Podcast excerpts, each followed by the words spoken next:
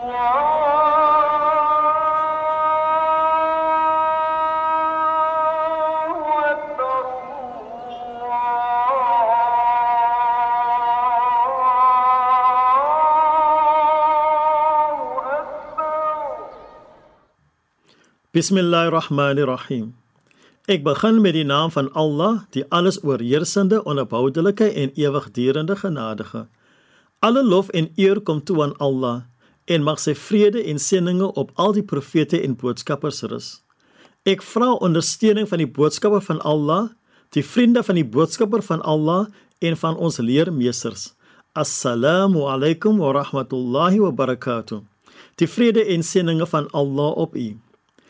Ons het in 'n vorige uitsending gepraat oor Ar-Rahman en Ar-Rahim.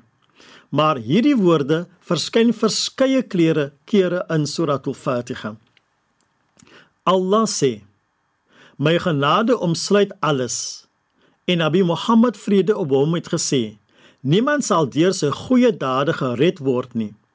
Hulle vra ook nie u nie, boodskapper van Allah. Hy sê: Selfs nie ek nie, behalwe indien Allah my met sy genade bedek. Allah verwys ook na Nabi Muhammad vrede seëning op hom en sê: Ons het u, Nabi Muhammad, nie gestuur nie behalwe as 'n genade vir die geskaapte orde. Al-Maybudi lewer kommentaar oor hierdie vers en sê: Hy, Nabi Muhammad, as deel van hierdie genade is dat hy ons in geen stadium verlaat het nie. Of hy in Mekka of in Madina was, of hy in die masjid of in die kamer was. Op dieselfde wyse het hy ons nie vergeet toe hy van aangesig tot aangesig met sy Skepper tydens die hemelvaart was nie. Aan Mekka het hy gesê: "En vergewe ons." In die grot tydens die Hijra het hy gesê: "Waarlik waar, Allah is met ons." Tydens sy besoek aan die troon en toe hy slegs 1 meter weg van sy Skepper was, sê hy: "Vrede op ons en op die heilige dienaars van Allah." En tydens die doodsangs het hy gesê: Allah is my verteenwoordiger oor julle. En op die dag van afrekening by die Maqam Mahmuda en wanneer die mat van voorbidding uitgerol word, sal hy sê: Ummati, ummati, my mense, my mense. Ibn Arabi dui twee tipes genade aan. Die een gerig op die siel en die een gerig op die liggaam.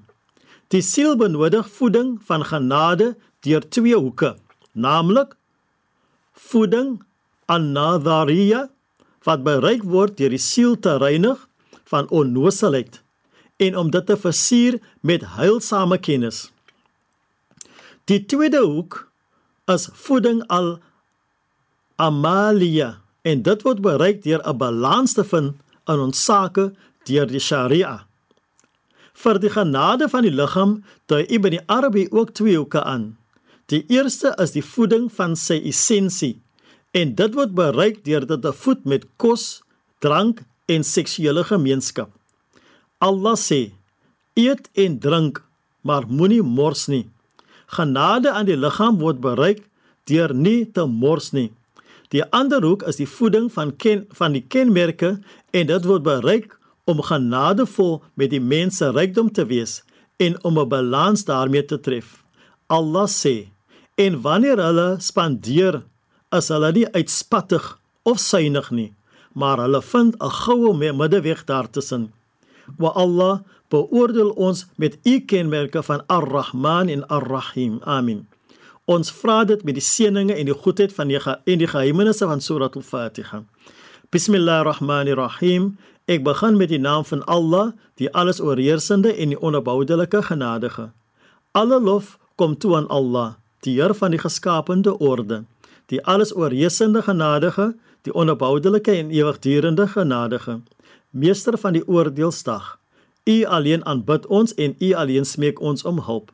Lei ons op die regte weg, die weg van hulle wie u guns verdien, nie die weg van hulle op wie u toore neergedaal het nie of die weg van hulle wat afgedwaal het nie. Walhamdulillahi rabbil alamin. En alle dank en lof kom toe aan Allah. Dit is Shaid Meniers wat u met God se vrede, God se seëninge en God se genade groet tot 'n volgende keer. Insha'Allah. Allah